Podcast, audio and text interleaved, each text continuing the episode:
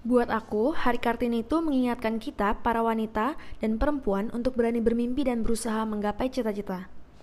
Khususnya saat situasi pandemi krisis seperti sekarang, kita tidak boleh putus harapan, melainkan sebaliknya. Harapan adalah sumber dari segala kehidupan. Ada satu orang wanita, perempuan yang selalu menjadi motivasi dan inspirasiku untuk berani bermimpi dan berusaha mewujudkannya. Dia adalah Agnes Mo satu prinsipnya yang aku pegang dan membuatku bisa sampai di titik ini adalah dream, believe, and make it happen. Kita semua tahu bagaimana perjuangan seorang Agnes Mo untuk bisa di titik ini dan tetap membanggakan Indonesia. Ini dapat menjadi motivasi dan inspirasi kita sebagai wanita, khususnya untuk terus berharap, bermimpi, percaya dan berusaha mewujudkannya. Kartini bilang, tiada barang yang mustahil di dunia ini. Artinya apa? Walaupun kita perempuan, kita juga harus bisa membuktikan kepada dunia bahwa kita mampu mengubah dunia menjadi lebih baik.